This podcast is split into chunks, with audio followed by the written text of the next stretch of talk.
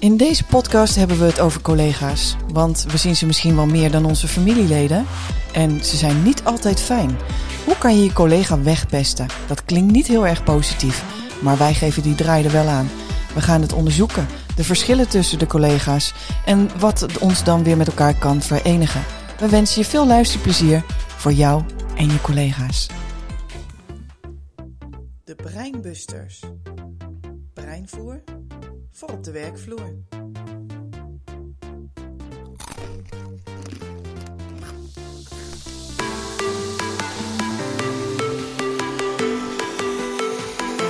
Ja, Anke, heb jij je breinsnacks al klaar? Ja, die heb ik zeker klaar. Zo. Lekker, lekker, lekker. Lekker, lekker, lekker. Gaan we lekker smullen. Jam, jam, jam, jam, jam, jam. Heb jij je trends eh, al te pakken voor vandaag? Ik, ik heb heel veel trends te pakken en voor vandaag ook. en voor vandaag Ja. ook, yes. We gaan er weer een mooie podcast van maken, dames. Zeker. Ja, en waar gaat het vandaag over, Eliane? Eh, het gaat over je collega wegpesten. Ja. Gaan we, ja, We hebben net al een rondje van tevoren gedaan voordat de opname ja, start. ik ben blij dat we hier nog met z'n allen, met z'n allen zitten, inderdaad. Precies, ja. ik voel toch een beetje collega's hier aan tafel. ja, en de vraag is alleen natuurlijk, zitten we hier dadelijk nog als we klaar zijn? Ja, dat is een, een goede vraag. Nou, eh, Maar toch mag ik je. Nee, Dank je, Tom. ja, precies. ik waardeer je ook heel erg. Ik zeg niks. Ja. Dit zijn echt van die momenten waarop, het, waarop je het zegt. En volgens mij, jij als body- en face profiler, echt denkt, meent hij het nou wel? Ja, dat, dat, dat, dat klopt, eh, Nou, dat, de- dat denkt ze niet, dat ziet ze gewoon, Tom. Ja, zeker. dat zie je gewoon, Anke. Ja. Hey Anke, ehm, ja, ik, ik, je hebt ook een, eh, wederom iets meegenomen vandaag eh, waarvan je zegt, hey, daar zou ik wel graag mee willen starten. Wat is dat? Ja, we gaan het hebben vandaag over de collega wegpesten. Ja. En eh, wat daar interessant bij is, is dat dat eigenlijk vaak op basis van communicatie gaat. Of dat nu non-verbaal is of verbaal. Maakt eigenlijk niet zoveel uit, want eh, we weten bijvoorbeeld, eh, geen communicatie bestaat niet. Of je niks zegt, als je niks zegt zoals nu, dat, dat betekent toch uiteindelijk ook iets. En wel communiceren, dat betekent natuurlijk ook iets. Ja. En ehm dus het gaat vaak vooral om niet per se wat je zegt, maar wel hoe je het Hoe zegt. je het zegt. We komen later op terug. Oh, Eliane? Ehm, ja, een beetje als je het hebt over pest je collega weg. Dat is natuurlijk een- eigenlijk eh, verrassend negatief voor ons. Hè? Want pesten heeft een enorme lading. Ja. Dus het kan ook zijn dat mensen denken... ja, dat is toch echt niet, van, niet tof dat jullie pesten promoten. Nou, dat doen we ook niet.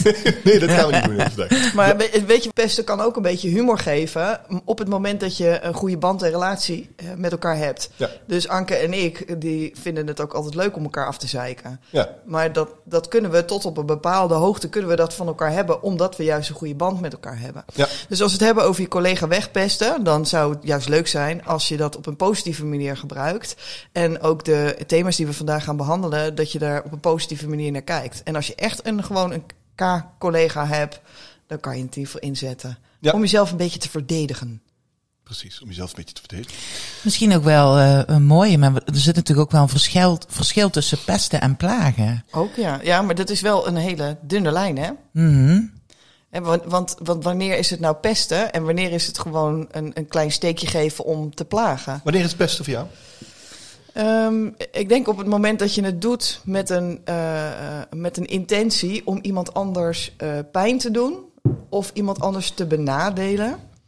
O- eh, want soms heb je ook dat mensen zichzelf graag beter willen voelen doordat iemand anders zich slecht voelt. Dus dat zit toch ergens in de intentie. En ja, ik hou er juist wel van als ik zo'n goede relatie met mensen heb, dat ik gewoon eh, een eh, opmerking kan maken en dat je daar juist om kan lachen. Ja, precies. Dat haalt ook weer spanning weg. Anke? Ja, ik denk dat eh pesten, eh, dat dat vooral eh, ingevuld kan worden door degene die het ontvangt. Want de een kan heel veel hebben en de ander heel weinig. En ehm dus op het moment dat jij je gekleineerd voelt of eh, dat jij je eh, onderuit gehaald voelt, Ja. dan wordt het wordt plagen eigenlijk al pesten. En, en inderdaad, dan heb je humor. Humor is ook gewoon een, manier van eigenlijk van beïnvloeding en ook dominantie. Hè? Want, Maar zeg eh, je daarmee dan dat eh, bijvoorbeeld cabaretiers, die zitten ook vaak te plagen. En dat kan, het kan bepaalde mensen zijn, dat kunnen bepaalde eh, groepen zijn. Daar wordt ook een stukje, en dat wordt gezien hier in onze maatschappij als een stukje plagen. Mhm. Maar als jij dit zo vertelt, dan heb ik meer het gevoel dat je zegt van nou, dat zou ook een vorm van pest, kunnen- als een vorm van Ja. pest gezien kunnen worden. Nou ja, daarom zeg ik ook precies, het ligt eraan wie het ontvangt. Want uiteindelijk heb je natuurlijk bij cabaretiers ook dat zij eh, eh, echt wel haatmail krijgen. Als zij het, eh, bijvoorbeeld een bepaalde cultuur daar eh, Mhm. generalisaties of stigmaties, of hoe je het ook alweer noemt met mijn dyslectische woorden. Maar eh, als- Stigmatiserend.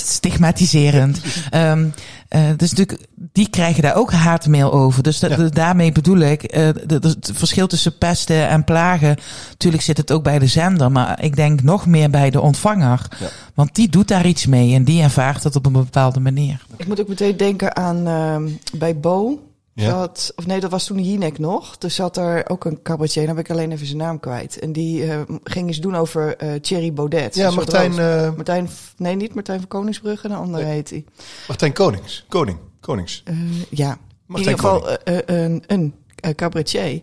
En die had dus ook expres vooraf niet aan de redactie laten zien wat hij ging doen. Maar dat, doet, hij, dat doet hij nooit, hè? hij de andere cabaretiers hij Nee, precies. En dat is een soort van ongeschreven regel in cabaretland.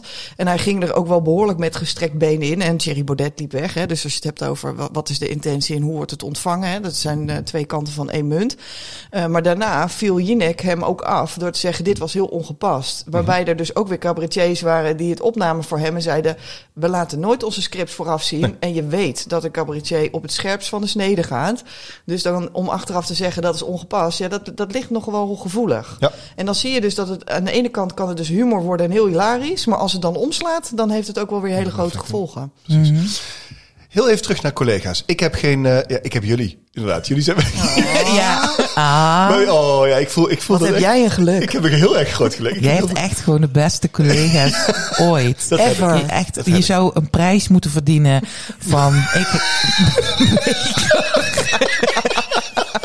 Voor de beste collega's. Dat ik Ja. een prijs krijg. Dat, jullie mijn collega's beste zijn. collega's oh, dat. Dat, dat, daar kan ik nu al van genieten. Ik geniet daar nu al van, Anke. nou, laten we dat in ieder geval... Ah. Misschien dat we bij iedere podcast gewoon elkaar gewoon zo een prijs kunnen geven. Dat we elkaar... ehm, dat we zo fijne collega's zijn van elkaar. Goed.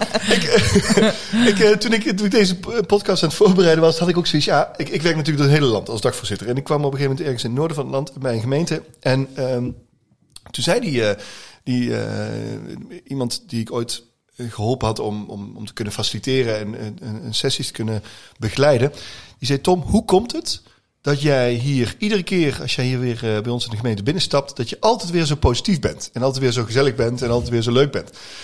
Ik zei, ja, of altijd zo leuk, dat is natuurlijk... Ook Dat ook we mee. even op het Je- lijstje. ja, Altijd. Ja. altijd. Altijd zo leuk. Ik vind mezelf altijd heel erg. Ja. Nee. Dat je altijd zo positief bent, dat zei hij. En altijd gewoon weer met die energie weer kon brengen. Ehm, ik zeg, ja, ik zeg, daar weet ik ook niet. Ik denk dat ik gewoon, ehm, ehm, ik ben gewoon heel gelukkig getrouwd. Ik heb hele fijne kinderen waar ik veel energie van krijg. En dat, dat breng ik dan inderdaad ook over naar, eh, naar jullie hier in het noorden van het land. Ja, zegt hij. Want ik, ik, ik, ik zit daar echt mee te stoeien. En iedere keer als ik jou weer zie, dan, dan komt dat weer bij me binnen. Hij zegt, maar als ik zo meteen hier weer naar boven loop... en ik, eh, eh, dan weet ik nu al dat er... Het was ongeveer 11 uur in de ochtend. Dan weet ik nu al dat er voor 12 uur... eh 12 uur half één, voordat er geluncht gaat worden...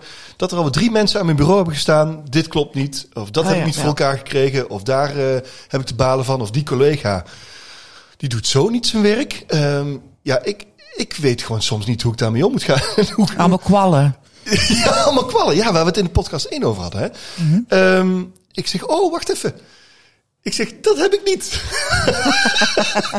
ik heb dat niet. Ik heb, ik heb die collega's niet. Ik heb dat, dat, dat soort gesprekken heb ik nooit. Ik kan inderdaad eh, altijd mijn, mijn positiviteit ehm, uit blijven dragen. Omdat ik iedere keer als ik hier kom, heb ik altijd leuke gesprekken met jullie. Ik heb altijd, eh, ik, ik, ik kom altijd in positiviteit en ik ga altijd in positiviteit weer weg. Ja, misschien je klanten. Hè? Dat, het zijn natuurlijk geen collega's, maar als je projecten met, met mensen samenwerkt, dan kan het zijn natuurlijk dat je, dat je wel wat meer van dat gedrag tegenkomt.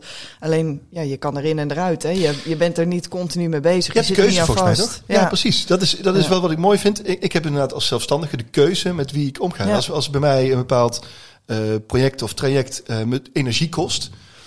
Ja, en ik, dan heb, kan ik ook kiezen voor mezelf. Ik heb hier geen zin meer in. Ja, heb ik ook wel eens nee op gezegd. Ja. Maar ja, goed, uiteindelijk kan eh, deze meneer kan ook kiezen om van baan te wisselen. Dus Ja. het is natuurlijk. eh, ik, ik heb ook in, vaker in teams gewerkt, ook in het onderwijs. En eh, daar ook in verschillende teams gewerkt. En er zijn teams bij waardoor dat je juist energie krijgt. Hè? Dus de, de- waar al die dolfijntjes en ja, het is Ja. leuk en we willen van alles. Ehm, dus dan werkt het weer voor je.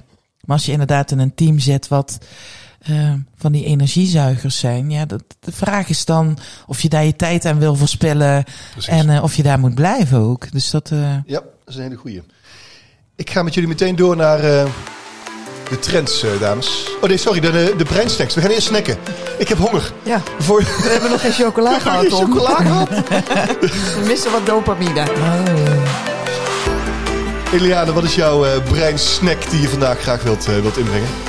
Ja, wat ik eh, wel een leuk eh, vind om het brein wat te geven om op te knabbelen, is dat een compliment moet passend zijn bij hoe iemand zichzelf ziet. Dus stel dat ik vandaag jou een compliment wil maken, Tom, en ik zeg: Wat zit je haar leuk? Ja.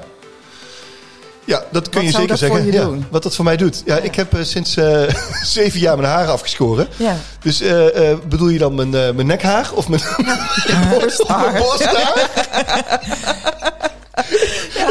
Ja, maar dus, er worden dus- vandaag geen opnames gemaakt, dus het kan Nee, niet getoond worden. Maar, ik ben even zonder woorden. Een beeldteker, dus ik zie het niet voor me. Ehm, maar waar ik dus eigenlijk op in wilde gaan was... als ik jou een compliment maak... wat niet past bij hoe jij jezelf ziet... Ja. dan ga jij ineens eh, alert worden en denk ik... hé, hey, waarom zegt ze dit? Ja. Hè? En als ik bijvoorbeeld zeg van... god, Tom, wat ben je vandaag weer positief... dan voelt dat compliment waarschijnlijk heel fijn. Zo van, Ja. nee, want ik vind mezelf ook heel positief... en ik heb veel Ja. energie. Dus als ik dat aan jou waardeer... dan wordt het als een compliment ontvangen. Eh, dus als je tegen iemand die heel eh, knap is zegt: Wat zie je er vandaag goed uit? maar die ziet zichzelf als lelijk, Mhm. dan kan het dus een soort backfire. Dan kan iemand denken: Waarom zeg je dit tegen mij? Of, eh, en wordt hij daarmee voor zichzelf nog, nog lelijker dan? Of hoe, hoe, hoe werkt dat? nou, dan werpt Nou, iemand in zichzelf het compliment af. Die zegt. Nee, dat is niet zo. Of die gaat denken: Heb je hier misschien een bepaalde bedoeling mee? Ja. En want dat kan, kunnen vrouwen bijvoorbeeld heel goed van: Hé, hey, wat zit die jurk mooi? eh, Je kan je buik nu een stuk minder zien. Ja, dat is, dat is ook niet echt een compliment. Nee, dat is eigenlijk eh, een, eh, een, een, een, een pestgedrag vermomd in een compliment. En eh, ja, er zit een dubbele boodschap in. Gaat Anke ook eh, wat verder over eh, vertellen in deze podcast. Dus hoe haal je nou de boodschap en de manier waarop het wordt, echt wordt bedoeld uit elkaar? Oké, Maar het compliment geven moet dus passend zijn bij hoe iemand zichzelf ziet. ja, helder. Anke? Nou ja, ik had een eh, leuk eh, onderzoek eh, gevonden van Paul Wenkin. Ja. En daar blijkt dus dat 70% van onze werktijd zijn wij bezig met communicatie. Dus dat is echt vreselijk veel. Ja, En, en daar zijn we 9% van aan het schrijven, 16% aan het lezen, 30% aan het praten, maar maar liefst 45% van aan het luisteren. En dan denk je, nou, dat is een eh, mooie combinatie. Ja. Want als we goed naar elkaar luisteren, dan begrijpen we elkaar beter en eh, kunnen we samen eh, bergen verzetten. ja. Maar dat valt dus vies tegen. Want blijkbaar wordt namelijk 75% van onze woorden wordt genegeerd. Of verkeerd veel. begrepen. Dat is heel veel. dat is Ja. heel veel, ja. Of snel vergeten. Mhm. Dus dat is echt, dus maar 25% komt blijkbaar aan. Ja. En dan is het ook nog eens zo dat je binnen 8 uur een derde tot een tweede van dat wat die ander gezegd heeft, bent vergeten. Oké. Dus, dat, dus dan heb je dus je 25% over. Dus eigenlijk al die presentaties die vaak als keynotes worden, worden gegeven, dat is allemaal super mooi. En dat, is, dat, dat staat heel mooi op de bühne. Maar eigenlijk wordt er maar 20 tot 25 procent opgenomen van wat er, wat er verteld wordt. Ja, ja, uiteindelijk wel. Dus dat is niet zo heel veel. Nee. Een leuke breinweetje is trouwens ook dat we het beste het begin en het einde onthouden. Dus ehm als je dan al een keynote gaat spreken, zorg dat je binnenkomt met een knaller en eindigt eh, Ja. met een knaller. Want eh, dat onthouden ze het beste. Ik heb ook iets meegenomen. ehm, en dat is ehm, probeer met elkaar wat meer te spelen. Ook al, en dat heb ik al eerder genoemd, eh, beweging in je lijf is beweging in je brein. Maar je kunt ehm, door met elkaar in overleggen op een goede manier, eh, om wat spelenderwijs wat meer te doen, dan zit iedereen veel meer in De, in het gesprek is het veel meer een lean-in gesprek dan dat het een, een lean-back gesprek is. Waar vaak ook de irritaties van komen. Hè? Want ik geloof dat, eh, ehm, dat veel mensen geïrriteerd raken van collega's die gewoon achterover zitten te kijken wat er zoal gebeurt door andere collega's. En, dat, en vaak mensen met wat grotere mond of die wat meer in de materie zitten, die vertellen vooral wat er gebeurt. Maar als je bijvoorbeeld dus eh, eh, zou inzetten om allemaal een, een, zakje Lego mee te nemen naar je werk. Of vanuit de, de, de, de organisatie wordt dat gefaciliteerd. Elie, we hebben dat eerder samen gedaan. Hè? Ja. We hebben volop met Lego gespeeld Ja, om het verhaal met elkaar Ja. te vertellen. Maar ik moest ook meteen denken aan Jerry. Toen Jerry- wij nog op het podium mochten staan. Oh ja, Dan nam Jerry. Tom altijd Jerry mee. Ja, ik, had, ik was Tom en Jerry inderdaad. Ja, zeker. Dat is ook een spelende. Dat was een microfoon die we inderdaad eh, rondgooiden door de zaal. Juist. Ehm, ook, ook zijn speelattribuut. En dat kan ook virtueel. Je kunt ook virtueel met, eh, met Lego bouwen. Dat je af en toe eens met Lego speelt. Of met iets anders. Ja. In de ballenbak anken kan natuurlijk ook. Ja, ik hou van de ballenbak. Je kunt van alles doen. Ik vind dat wel heel mooi gezegd, eh, Tom. Want dat noemde jij lean in Ja. en, En lean back. Dus, en eh, lean back. Ja, ja. heel gaaf. Ja. dus daar kun je, probeer daar gebruik van te maken. En neem dat vooral mee. Speel in die, in die momenten dat je samen bent.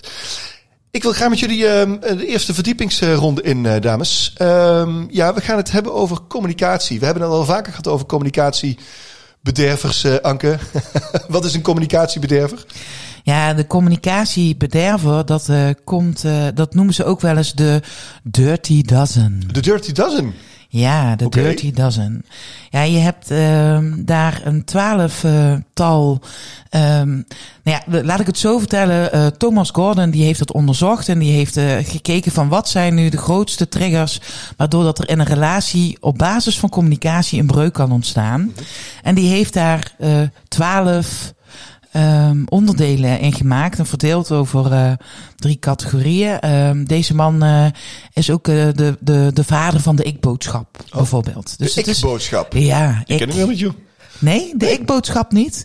Dus stel dat iemand iets eh, tegen je zegt en je vindt dat niet prettig, dan kun je zeggen, vind ik niet prettig. Mhm. Of ik vind dit niet prettig, want jij bla bla bla bla. Oké. Ja. Dat is de, de- Ik zie dat Tom even over Ik moet er even over nadenken. En waar, het, waar Nee. het ook een beetje om ging, is, is dat je niet zegt, jij doet iets. Oh, jij doet iets verkeerd, maar dat je het bij verkeerd, jezelf houdt. Ik, ik heb het zo ontvangen. En dan hou je het meer bij jezelf. Oké. Ja. En dat, is, eh, eh, dat is positiever. ja, en assertiever En ook. assertiever ook. Ja. Ja, precies. Ehm, nou ja, wat hij dus heeft gedaan, die heeft daar drie categorieën van gemaakt. En de eerste is ehm, beoordelen. Ja. Daar blijkbaar ehm een moment dat wij met elkaar praten en wij gaan dan beoordelen, kan dat een breuk eh, brengen aan onze relatie. Het is overigens wel zo dat hoe hoger de emoties oplopen, hoe meer schade deze eh communicatiebedervers of de dirty dozen kunnen aanbrengen. En het is ook zo, precies wat Eliane eh, straks zei. als je een goede relatie hebt, kom, kun je best wel een pootje breken. Dus dat is even aan de achterkant. is dat wel slim. Een pootje of een potje? Een pootje breken. ja. Eh, dan kun je wel een woordje, Een potje breken. een potje breken. zou toch wel Ja, zijn ik als je blijf dan een gewoon volhouden. Nou, ik gewoon creatief Ja, omgaan dat met is toch taal. Heel, fantastisch. is geweldig ook, hè? Ten einde We van ons erin. vermaak is dit heerlijk. En we, gaan dit, we gaan dit volgens mij ook gewoon... eh, ja, precies. Dit wordt ook een van de teasers. In de, we gaan Ja, pootjes de- we gaan pootjes breken. potje breken. Ja, nou ja, goed. Ik ben blij dat jullie er blij mee zijn. we zijn, we zijn heel blij. Ehm, een voorbeeld is bijvoorbeeld ehm, eh, dat je bijvoorbeeld zegt: eh, Hey Tom, weet je zeker dat je dat eh, truitje vandaag aantrekt? Dat is bijvoorbeeld helemaal geen vraag. Dat is gewoon een oordeel Oh, met een ja. vraagteken. Ja. Eh, en dat, is, dat valt onder eh, beoordelen. Jij vindt het dus geen mooie trui die ik aan heb? Of, Kijk, Jawel, ik vind al. het wel een mooie trui. Oké. Ja, zeker wel. Eh, maar ook wat er dus straks gebeurde, bij beoordelen kun je ook beoordelend prijzen, noemen ze dat. Dus eh, eh, dat, dat je zegt tegen iemand, oh je bent echt altijd zo'n lieve meid. En dat het eigenlijk heeft met de intentie om iemand in beweging te krijgen voor iets wat jij graag wil. maar ik zeg dat vaak tegen mijn dochter. Wat ben je toch een lieve meid? Wat? En komt er dan iets achteraan? Of gewoon Nee, is het gewoon dat? omdat ik, omdat, ik, omdat ik zoveel van haar hou. En dat ik, dat ik, dat ik, dat is het punt voor mij inderdaad. Wat, Dat is denk ik ook wel, de, het zit er natuurlijk ook in, in welke, ehm, op wat voor manier je het met je stem zegt. Oké. Als je zegt, eh, oh, wat ben je een lieve meid. Ja. Of je zegt, oh, wat ben je een lieve meid. Blijkbaar dus als je dat heel vaak doet, eh, kan het wel eh, ook echt zijn kracht verliezen. Ja. Dus Ja, dan, goed. eh, dan wordt het een, eh, dan hoort ze het misschien wel, maar dan heeft het nog maar weinig betekenis. Ja. Ja, wat jij vertelt doet me denken aan eh, de Engelse quote: Kill them with kindness. Dus maak ze dood met aardigheid. En dat, dat beoordelen of veroordelen verpakt in een compliment, dat is inderdaad echt zo'n eh subassertieve, agressieve vorm van communiceren. Hè? Mhm. Ja, zeker. Ja. Ja. Ehm, het tweede is dat wat mensen dus ook doen waar iedereen eh, helemaal plat van gaat zijn. Ik ga die drie categorieën dan noemen. Ja. En dat zijn eh eh, ongevraagd oplossingen aanreiken. Oh ja, daar ben ik ook heel goed in. Ja, nou, ik denk dat wel heel veel mensen dat, daar heel goed in zijn. Dus als iemand praat, om dan vrij snel in de oplossende modus te gaan zitten. Ja, en de vorige podcast hoorden we inderdaad dat mannen daar nog sterker in zijn dan vrouwen. Maar Staan mannen voorop. Dat was mannen voorop. voorop. Ja, maar eh, ik denk dat wij vrouwen dat ook wel kunnen. Dus iemand vertelt een verhaal en dan, eh, nou weet je, weet je wat je zou kunnen doen is, en ja, dat kan echt Oh, heel irritant zijn. dat doen. Ja. Ja, zeker als je dan eh, ehm, in situaties komt waarin je echt een behoorlijk uitdagende situatie hebt. Hè? Want ik werk natuurlijk met heel veel mensen die echt, echt zware problemen in hun leven hebben. Ja. Als ze er dan over gaan praten naar anderen, dan gaan de anderen dus eigenlijk meedenken vanuit de oplossing. Dat kan ook heel betrokken zijn. Maar er is niks zo vermoeiend om aan iemand te gaan uitleggen waarom al die oplossingen niet, niet werken, omdat je dat al geprobeerd hebt. Dus in plaats van dat Ja. je je verhaal kwijt kan, ben je eigenlijk alleen maar eh, aan het verdedigen waarom, je, waarom dat niet Ja. zou werken. Ja, Ja, inderdaad. Dus dan gaat het niet meer over jou, maar dan gaat het meer over wat die ander vindt dat jij moet doen. Goed. Ja, nee, ik Ja. leer je toch echt veel.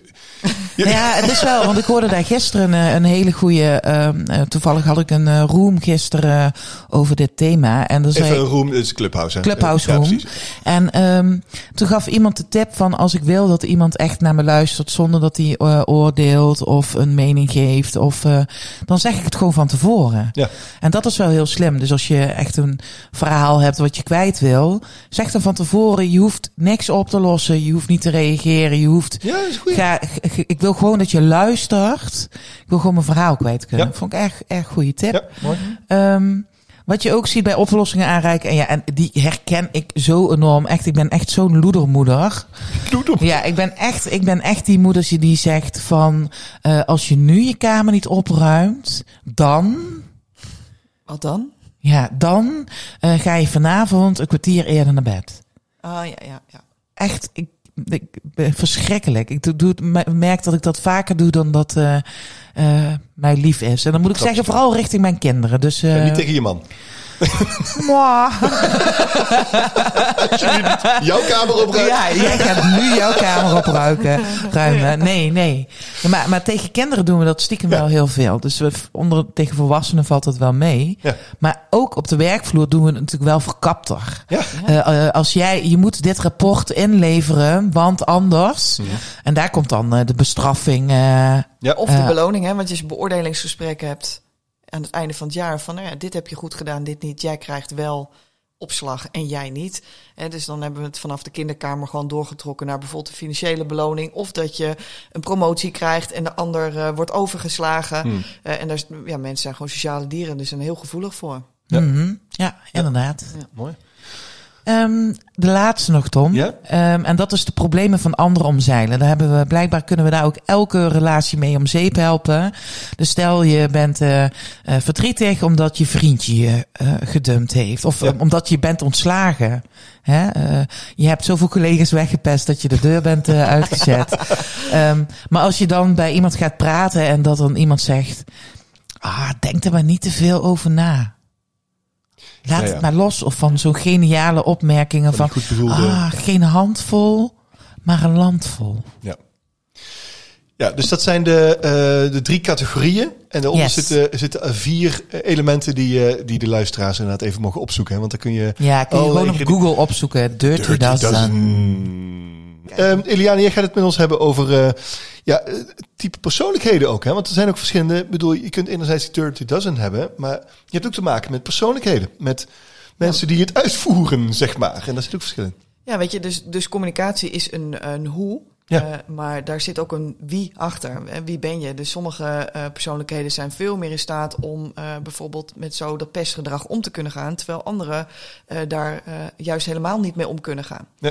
En ehm, ja, ik vind het zo interessant dat we ons vaak aangetrokken voelen tot iets wat we niet zijn. Ja. In relaties met mensen eh, is de aantrekkingskracht en de chemie vaak iets wat je zelf niet hebt en in Mhm. die ander mooi vindt. Hè. Dat kan bijvoorbeeld met verliefdheid zijn, kan in vriendschap zijn. Hè. Dus je hebt bepaalde gelijk, gelijke punten en tegenovergestelde Ja. punten. Nou, als je dus bepaalde dingen precies heel anders hebt, hè, dus de een is heel dominant en de ander is juist eh, subdominant, Mhm. Ehm, dan kan dat elkaar juist onwijs goed eh, versterken, maar ook afstoten. Dus dat, dat kan je eigenlijk een beetje zien als magneten. Hè? Dus dat kan zo naar elkaar toe. eh, je moet eh, niezen? Nee? Oh. Het is gewoon leuk voor om erin te houden, dit. Dat zien mensen niet. ik zie Tom ineens wegdraaien. Dus ik, voel- ik was even, even onzeker over wat doet mijn verhaal met hem. Voelt je zo. Ja. maar even terug naar de magneten. hè. Dus eh, als je twee magneten hebt en de goede kanten zijn naar elkaar toegetrokken, hè, dan klikken ze in elkaar. Maar draaien ze andersom, dan komt er een soort, soort weerstand waardoor ze niet meer tegen elkaar aankomen. En zo gaat het dus ook met mensen. Ja. Nou, als je dan kijkt naar teams. Eh, dat zijn niet mensen die je zelf in je leven hebt uitgekozen, hè, zoals bijvoorbeeld je vrienden. Eh, maar in die teams werken allemaal verschillende mensen die niet per se eh, buiten die setting met elkaar eh, een biertje zouden gaan drinken. En toch heb je het ermee te doen. Er zitten heel veel verschillende persoonlijkheden in en dat kan de strijd geven. Maar een, de samenstelling van een succesvol team Ja. is eigenlijk eentje waarbij er juist zoveel mogelijk verschillende mensen in zitten. Ehm, maar, de- dus, maar de- de verschillende mensen, dat die magneten elkaar juist opzoeken dan. Is dat... Ja, nou ja, goed. Het heeft dus de potentie van ook afstoten. Ja. Maar ook dat je dus, en dat heet dan eh, in vaktermen synergie met elkaar kan bereiken. Hè? Dat, je, dat je samen meer bent dan de som van de delen. Ja. Dus 1 plus Mooi. 1 hè, is eh 2, maar kan ook 11 zijn. Ja. Ehm, eh, en, en ik geef dan meestal het voorbeeld van Queen. Eh, Bohemian Rhapsody is een nummer wat eh, ja, eigenlijk altijd in de lijst eh, bijna op nummer 1 staat van, van de mooiste nummers Waarom dan? ter wereld.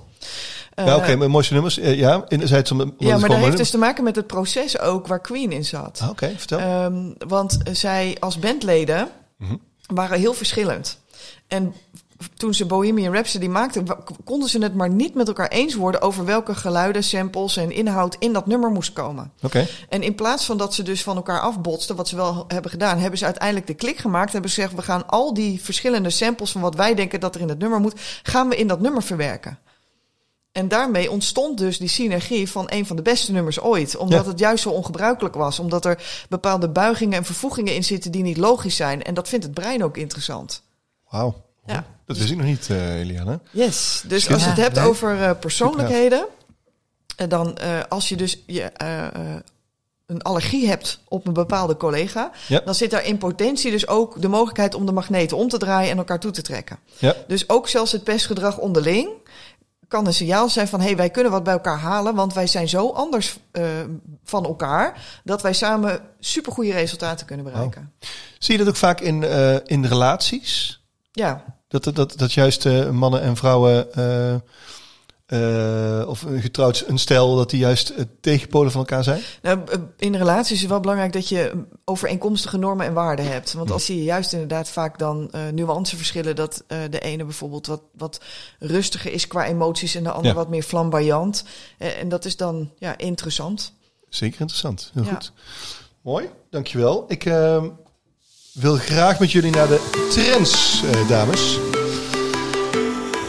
De trends. Eliane, kun jij eh, eh, als eerste jouw, eh, jouw onderdeel van de trends even meenemen? Ehm, Ja. ik ben benieuwd. Wat is, eh, wat zijn- wat is de trend die jij graag inbrengt? Nou ja, in relatie tot uh, Pest je collega weg eh, kwam ik bij een onderzoek van de Amerikaanse auteur en psycholoog Travis Bradbury. Travis Badbury. En die heeft eh, iets onderzocht en die zegt, die stelt, mensen gaan niet weg vanwege de baan, maar vanwege de leiding. Oh, Ja. oké. Oh, Wat ja. zijn Oh, dat herken jij. Nee, ja, ja. Ik zeg meteen, oh ja. Oh ja. Heel herkenbaar. Nou, nee, ik denk, ja, Voor de oud-collega's van Anke die luisteren, het ging niet over jullie. Nee, nee, maar ik her- herken wel eh, dat dat heel veel invloed heeft. Dus dat, Ja. dat in die zin van ehm, degene die boven aan het roer staat, die bepaalt heel erg de sfeer op de werkvloer. En ik begrijp dat dat een lastig dingetje is om te horen als je een leidinggevende functie hebt. Mhm. Maar ik vergelijk het dan ook wel eens met onderwijs. De leerkracht die voor de klas staat bepaalt heel erg de sfeer in een klas. Ja. En, en, maar, maar als we dan vervolgens het bedrijfsinleven ingaan, dan is dat blijkbaar, eh, mag je dat niet meer zeggen. Maar dat is, dat is vaak wel zo. Dus Ja. degene die daar aan het roer staat, bepaalt heel erg de sfeer. Dus Ja, plus dat ik ook wel merk, omdat ik dan met directies of managementteams werk Ja. die wat groter zijn, daar zitten dan wat senior managers in. Die zijn er al wat langer, dus die durven ook een beetje te pesten en Ja. te plagen, omdat ze dat zelf kunnen hebben. Maar ze hebben eigenlijk niet eens door dat de junior managers die daar net onder zitten, eh, eigenlijk eh, daar heel erg door geraakt worden. En dan zeggen ze, ja, maar dan moet je toch gewoon tegen kunnen. Dan zeg ik wel eens, ja, maar ga even terug naar het moment dat jij net manager was. Ja. Eh, zo had je het leuk gevonden als iemand zo'n grapje tegen jou gemaakt? Ja, nee, eigenlijk niet. Dus eh, voor de managers die luisteren, eh, is het dus goed om na te denken over wat jij misschien grappig vindt of leuk of eh, belangrijk, kan zelfs als pestgedrag worden ervaren door de mensen onder je. Ja, helder. Dankjewel. Dankjewel. Anke, TikTok. Ja, als je het hebt over trends. TikTok heeft eh, de laatste tijd eh, behoorlijk aan, ehm, eh, hoe noem je dat? Eh, deelnemers. eh, eh, eh, eh, eh, daar gaan we weer wat om. hoe noem je dat nou? Heel veel mensen zijn in ieder geval eh, nu eh, hebben een TikTok-account. TikTok-account. Volgers. Ja, volgers. Volgers, ja. Ja. accounts. Nee, de accounts zijn echt enorm toegenomen de laatste periode. En eh, wat je dus ook ziet is dat er de leeftijd eh, begint te verschuiven. Dat er dus eh, steeds ook meer mensen die wat ouder zijn op TikTok eh, daar gebruik van maken. En dat ook inzetten om ehm, hun bedrijf te promoten. En eh, wat je natuurlijk ook, eh, als je het hebt over collega's pesten, wat je ook steeds vaker ziet, is een eh, leuk filmpje voorbij komen. waarin dat bijvoorbeeld een le- collega zich ergens belachelijk maakt. Ja. Of juist ook waarin dat ze samen laten zien dat ze de positiviteit erin houden. Dus dat is dan ook weer de mooie kant ervan. Precies. En misschien even een korte aanvulling voor de ouders. Eh, TikTok was natuurlijk ook een ruimte waar kinderen elkaar heel makkelijk konden pesten. Hè? En vaak Ja. veel ouders ook niet wisten hoe TikTok precies werkte. Dus het Nee. is ook wel goed dat, om te horen dat er meer volwassenen nu op TikTok komen te Ja. zitten. En gaan al die kinderen daar dus weer, weer vanaf. Want Ja, dat zag je met Facebook natuurlijk ook, toch? Dat is- Het is ook weer een trend. De weer een kinderen trend. rennen weg voor de ouders. Ja. Ja. Dank jullie wel, dames, voor deze trends.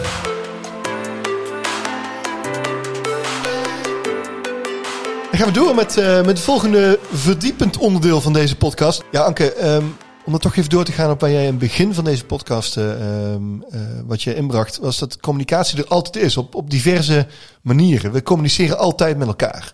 Ehm, misschien goed om daar nog heel even dieper op door te pakken. Ja, ja, zeker Tom. Ja, communica geen communicatie bestaat dus niet. En eh, wat we ook weten is dat eigenlijk elke communicatie, noemen ze heel mooi, heeft een inhouds- en betrekkingsniveau. Dat meen je. Oké, Ja. dat zeg je wel heel keurig en. Yes. En, maar dat klinkt natuurlijk veel lastiger eh, dan dat het is. Dus ehm wat ze daarmee bedoelen is, het heeft een inhoud qua eh, wat je letterlijk zegt en wat je dan daar, eh, eh, welke woorden je eraan geeft, maar ook een betrekkingsniveau. Dat heeft veel met te maken met de relatie en met de ander en de manier waarop dat je het zegt. Ja. Ehm, en straks hadden we al een heel klein stukje over dat, dat, dat we het iets hadden over eh, hoe je met je stem werkt. Maar uiteindelijk de manier waarop dat je iets zegt heeft zo ontzettend veel impact. Ja. Ehm, bijvoorbeeld het woordje O, eh, eh, Tom. Ja, wat, wat betekent O? Ehm O kan oh, inderdaad. Dat wist ik nog niet. Maar wat betekent O zo? Ja, ja. Ja, ja? ik, ik probeerde. ehm eh oh. Eh, hoe bedoel je dat? Ja, maar dat is meteen. Is, dat, is dat wat je bedoelt? Dat is precies wat ik bedoel. Want zeg maar eens, ik, ik, ik ga jullie even in, eh, in koor laten eh, reageren. Want zeg maar eens bijvoorbeeld, oh, ehm, als je een vraag hebt. Oh, Oh. Eh, of een, eh, een O, eh, als je de oplossing hebt. Oh. Of een O, ehm, als je twijfelt. oh. Of Jij bent korter in twijfel. Ja, een twijfel. Ja, of een, of een O, als je iemand ziet die je heel aantrekkelijk vindt. Oh. We kijken niet eens naar elkaar, Tom. Wat is dit? Ik vind het dan wel jammer dat jullie allebei dan direct oogcontact eh, verbreken. Ja, ja, ja, we kijken heel veel naar elkaar, maar in dit geval... Tom kijkt naar een schilderij van een niet bestaande vrouw. Nee, en, en ook jammer dat jullie dat op jullie zelf nu projecteren. Want ik, ik had gehoopt dat jullie naar mij zouden kijken. Doe het nog maar een keer. Dan is de volgende opdracht, zeg een O als je naar mij kijkt. Dus kijk wat eruit Oh komt. ja, oh, dat is ook wel een leuke. Zeg een O als je naar mij kijkt. Oh. Ik doe net of die van jou niet gehoord heb. En ik sta alleen die van Tom op. Ja, dat is goed. Ja, 25% onthouden. Dus dat is dan dat stukje. Heel goed, Ehm, dank. maar, eh, maar dat is precies wat ze daarmee bedoelen. Dus Ja. het gaat ook echt heel erg over hoe je iets zegt. Dat hoor je al met die O. Het kan honderdduizend betekenissen hebben. Oh. Ja, Ja, oh. oh, Ja. dit is inderdaad... eh, Oh, oh. Ja. Oh, oh. Heb je Yes. wat geleerd? Ja, inderdaad. Duidelijk, Inhouds- en betrekkingsniveau. Yes. Inhoudsoos. Inhouds- en betrekkingsoos. Ja. Oh. Oh ho. Dat is ook de kerstman die dat vraagt. Oh nee, die zegt Ho, ho ho, ho. ho. Ja. Oh, met ho kan je het ook doen, hè? Met ho. Of Ho. ho, ho. Dan Ja. zeg je eigenlijk ook al iets Ja. anders. Maar wat zegt die kerstman dan? Dit ho ho. Niet, niet Ja. Nee, maar zo zegt hij dat toch ook niet? Hoe dan? Of hij Ho, noemt ho, gewoon... ho. dat is echt heel jo jolig. Oh. Jolig. Jo- jo- Jollig. Of Ja, hij noemt gewoon... Is Of hij noemt gewoon Gerard iedereen een Jolig. hoor. Gerard Jollig. Laten we dat erin houden.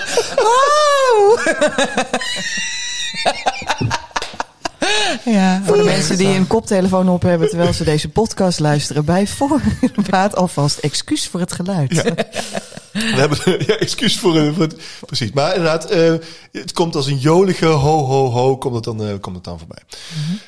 Goed om die kerstman ook even gepositioneerd te hebben dan eh, daarin. Ehm, Ja, en door naar mij. Hoe ga ik die kerstman er nou weer uitkoppelen? Maar goed. Ja, Eliane, ik ik vind het, ik bedoel...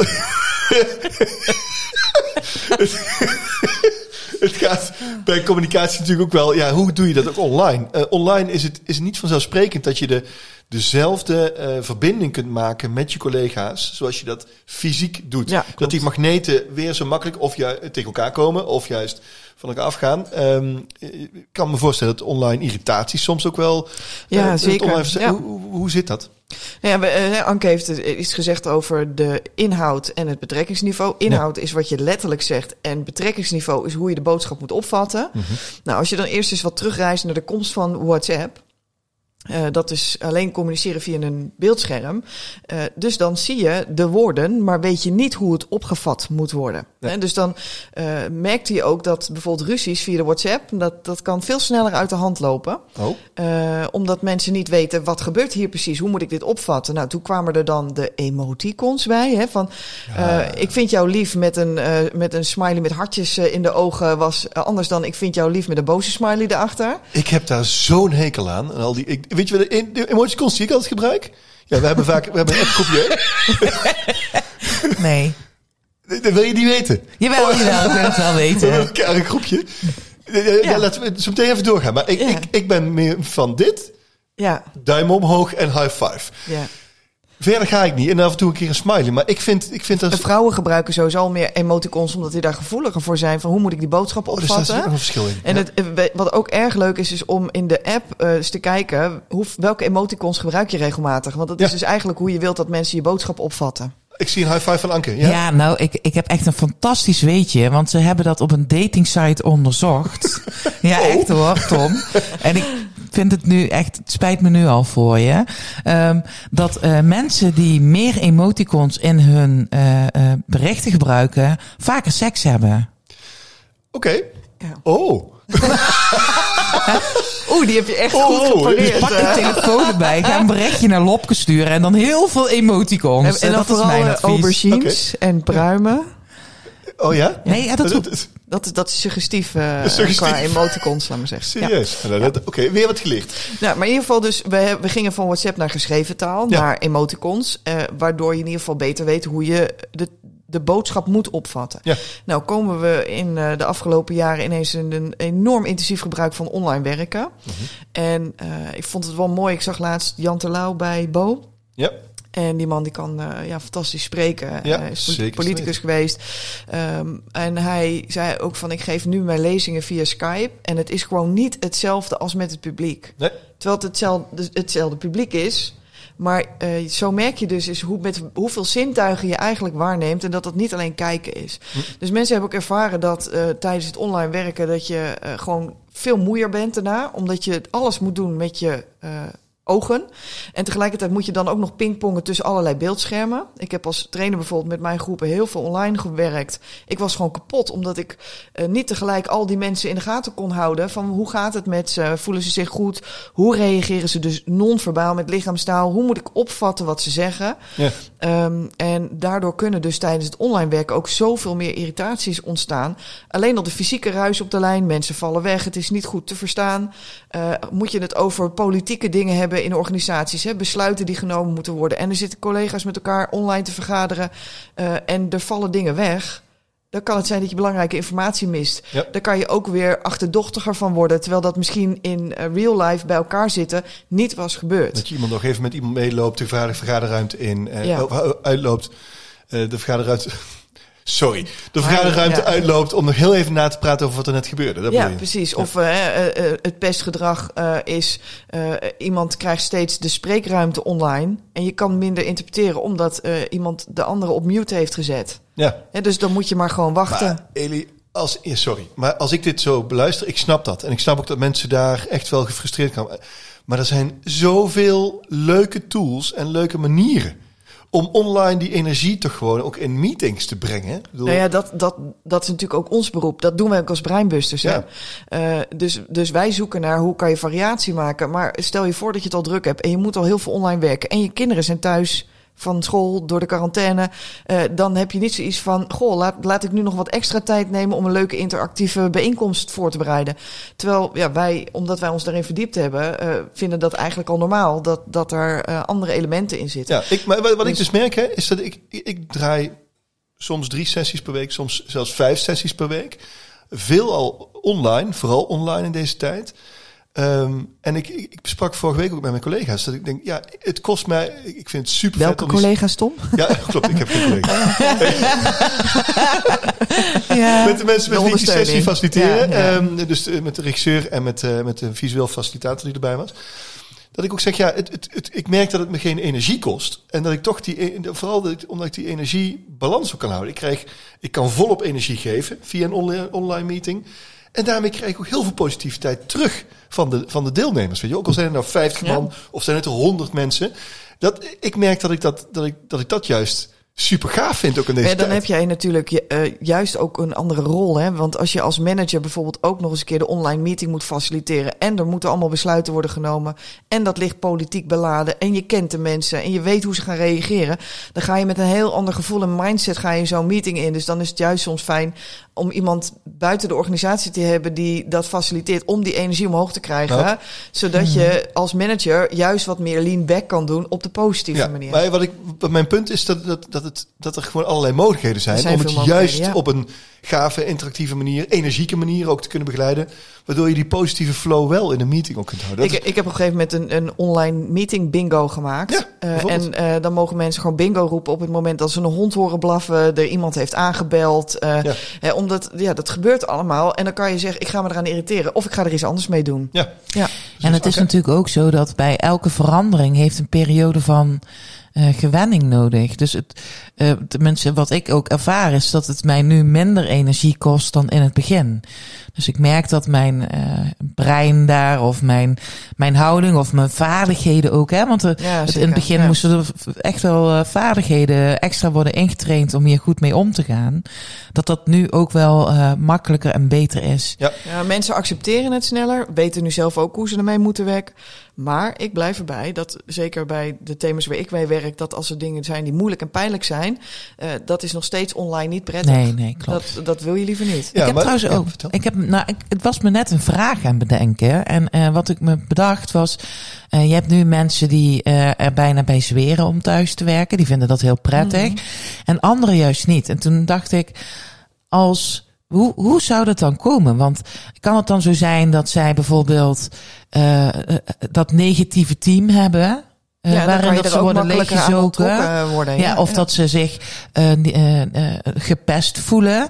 Ze, in hoeverre zou dat dan overlap hebben met die mensen die liever thuis blijven werken zo meteen als het weer mag. In verhouding met de mensen die eh, juist weer eh, staan te springen om eh, lekker met z'n allen op kantoor of, of waar dan ook weer samen te komen. Wat een leuke vraag. Ik, ik zou zeggen, als er bijvoorbeeld studenten luisteren die nog overwegen waar moet ik mijn afstudeerscriptie over doen, dan zou dit een mooi onderzoek zijn. Ja. Ja, dat zou echt. eh, Maar wat denk je? Ja, waarschijnlijk eh, spelen daar natuurlijk meerdere factoren mee. Maar ik kan me wel voorstellen als jij, hè, we hebben het ook al over prikkels gehad. Ja, juist, dat is continu waar ik aan denk. Ja. snel overprikkeld bent. Maar dat doet, heeft ook vaker wel wat met eh, samenwerking. Heeft ook heel veel met zelfvertrouwen te maken. Ja. En eh, mindset. Ik, ik denk zomaar dat dat... dat ik, nou, ik zou het in ieder geval een onderzoek waard vinden om dat eens eh, uit te zoeken. Maar het komt volgens mij wederom neer op wat we al in een eerdere podcast besproken hebben. Dat je een balans moet zien te creëren voor jezelf. Ook in die onderprikkeling of overprikkeling. Dat je in balans, qua prikkels een beetje in balans blijft. En als je onderprikkeld bent in de wijze waarop je samenwerkt met je collega's. Dat dat eh, juist misschien wel een behoefte kan, kan, kan hebben om dan juist naar kantoor te willen gaan. Omdat je die mensen om je heen wilt. Dat je, dat je die dynamiek van een kantooromgeving weer wilt voelen. Ja, contact is in ieder geval niet meer vanzelfsprekend. Dus dan precies, moet je ja. meer keuzes gaan maken in welke momenten wil ik wel in contact zijn. Ja. Eh, bepaalde beroepen, type beroepen, lenen zich daar ook gewoon beter voor dan anderen. Ik ken ook echt wel mensen die nu thuis werken en zeggen ik vind het juist fijn om bij mijn collega's weg te zijn. Ja. Die, die hoor ik ook. Maar er zijn ook net zoveel mensen die zeggen ik mis mijn collega's. Mhm. Dus het is ook een stukje weer van die synergie in een team. Eh, als daar een goede vibe is waarbij mensen elkaar respecteren en samen naar doelen werken, ook al zijn ze anders, dan wil je automatisch af en toe gewoon hè, touch base, zeggen ze in het Engels, wil je gewoon er even zijn. Ja. Nog niet eens voor een meeting, maar gewoon om die mensen weer even eh, eh, te zien en te voelen en, en te ervaren. Ehm, dus op het moment dat, dat luisteraars die hier naar luisteren merken van ja, ik trek me eigenlijk meer terug. Dus de thuiswerk is een op, opluchting voor mij. Kan je gaan nadenken van ligt dat dan aan de prikkels? Ligt dat aan de aard van het werk? Ligt het aan de, aan de relaties die ik met mijn ehm, eh, collega's heb? En daarbij hoort dan ook van je kan er beter een specialist naar laten kijken. Hè? eh, dan dat je dat ehm, met elkaar zelf gaat zitten klussen. Want als Ja. je erin zit, dan zie je het toch niet helemaal. Oké. Nou ja, wat, wat eh eh, breintechnisch hebben wij een aantal basisdrijfveren. Ehm, en de belangrijkste zijn daarbij eh, veiligheid, voeding, eh vrije. Hè? Da- Daardoor overleven wij als soort. Vrije als in, je En, eh, en, en- seks. Ja, ja, en seks. voor de De drie V's, ja, nou ja, goed, twee V's en een S kan ook, Tom. Oh, dat klopt. Ja. drie V's. En uh, maar de, de nummer vier, en die daar daarna echt als, uh, meteen als belangrijkste komt, is gewoon samenwerken. Ja. Uh, helemaal alleen is het, nou, behoorlijk lastig om te overleven. En uh, ja, je voortplanten alleen, dat lukt ook niet echt, zeg Nee. maar. Zover zijn we, ja, nou ja, nou ja. Ander Bijna, verhaal. ja. Maar uh, dus als je vanuit die basisdrijfveer gaat kijken waar eigenlijk elk mens op functioneert, is het natuurlijk interessant als mensen echt niet meer naar kantoor willen, alleen vanuit thuis willen werken. Ja. Um, dat menselijk contact zit wel ergens echt verankerd in ons zijn als mens. Dus nou, ik vind, ik hoop dat, uh, uh, Eliane, ik hoop dat iemand, een student deze oproep hoort Ja. en daar wat mee gaat doen. Ja. Ik Ja. zou het echt waanzinnig interessant vinden. En ik doe, ik doe al jaren onderzoek naar teams. eh, om te kijken van welke van die basisvoorwaarden, de- waar ligt het nou het meeste aan? Ja. En inderdaad, eh, eh, veiligheid is vaak eh, de eerste schakel eh, eh, die naar verbetering werkt, maar scoort vaak het laagste. En wat ik dan ook interessant vind in die onderzoeksgegevens, is dat mensen zeggen: ik geef mijn collega's eerlijk feedback. Daar schatten ze zich hoog in. Maar ik krijg eerlijke feedback van mijn collega's, schatten ze lager in. Ja, Maar dat ja. is het hele team. Dus als zij ze allemaal denken, ik geef eerlijke feedback, maar de ander zegt, ik heb het niet zo ontvangen. Ja. Ja, weet je, daar zitten al altijd hele interessante elementen om met elkaar aan te werken. Alleen feedback geven, online bijvoorbeeld, is verschrikkelijk moeilijk. Want dan moet, moet je helemaal kijken, hoe moet ik het nou opvatten wat je zegt. Ja. Dus wil je je collega's wegpesten, dan moet je ze vooral online feed- feedback gaan geven. En dan het liefst met een dirty dozen. En het liefst, oh, dit komt er weer helemaal rond. Kunnen we een geluidseffect hebben? Ja. Zeker. Daar is hij weer. Eh, ja, ladies, ehm, ik, eh, ik heb het gevoel dat we wel zo richting het eh, einde van deze podcast eh, zijn. Ehm, wel goed om nog een call to action te geven, Eliane. Mag, ik, mag ik jou vragen om deze keer te beginnen? Ja, ik zou mensen willen oproepen om hun favoriete collega te verrassen met een niet passend compliment. Daarmee kan je eens een beetje kijken hoe breed jullie basis is. Eh, explodeert iemand meteen, nou ja, dan, eh, dan moet je misschien nog wat eh, met elkaar eraan doen. Maar het kan zijn dat dat juist dus tot lol en hilariteit gaat leiden. En dat is leuk op de werkvloer. Leuk op de werkvloer. Anke, Ja. wat is jouw eh, call to action Nou, eh, van oeh, ik heb er een hele goeie. Nee, ehm, mijn call to action is denken eens goed na over hoe je de dingen zegt. En dat het eh, verschil tussen pesten en plagen eh, niet zozeer bij jou ligt, maar hoe de ander het ontvangt. Kijk, mooi. Heb jij er ook nog eentje, Tom? Ja, die wilde ik net gaan. Ik vond het leuk om het geluid iets hoog te zetten even. En dan kan Oh, dat ik dan ja, zo komen. ja. Mijn call to action is dat we met elkaar eh, ehm, weer wat meer, ook spelenderwijs, wat ik straks ook gezegd heb, ehm, eh, inbrengen in die, eh, in die meetings. Oh, Ehm, oh, jazeker. Laten we met elkaar eh, dat spelen niet vergeten. En, en dat we af en toe een keer die ballenbak induiken. Nee, die ballenbak hoeft niet meteen. Maar wel, maar wel dat je bijvoorbeeld ehm, een onderdeel als, als Lego kunt inzetten. Tijdens een bijeenkomst. Ga er gewoon mee spelen. Doe daar iets mee. Want daarmee kun je al een hele andere vibe, een hele andere energie, in zo'n bijeenkomst brengen of in een gesprek brengen. Ja, en dat- als mensen niet weten hoe ze dat eh, nou moeten doen, dan kunnen ze ons natuurlijk inhuren. Ik ga gewoon even schaamteloos Ja, reclame maken, goed. want wij zijn gewoon beroepskleuters. Ik wou net zeggen, ik kan wel even een naam bedenken. Hè. Het begint met een B en het eindigt met eindbusters. Voer voor de werk, breinvoer voor de werkvloer. Yes. Ja. Precies. Ehm, dus inderdaad, ga spelen. Maar er zijn ook allerlei online eh, tools. Zeker weten. Onder andere bij de Brainbusters. Goed, ladies. De volgende podcast gaan we het hebben over Eh, oorwormen. Urban. Ja. Voel je ze al? Nee, ja, het is niet voelen, het gaat om horen en niet over voelen. Ja. Kijk, dat is een goede teaser. Tot volgende keer, dames en heren. Heb het goed. En een hele gave groet. Tot de volgende keer. Doei! Doei.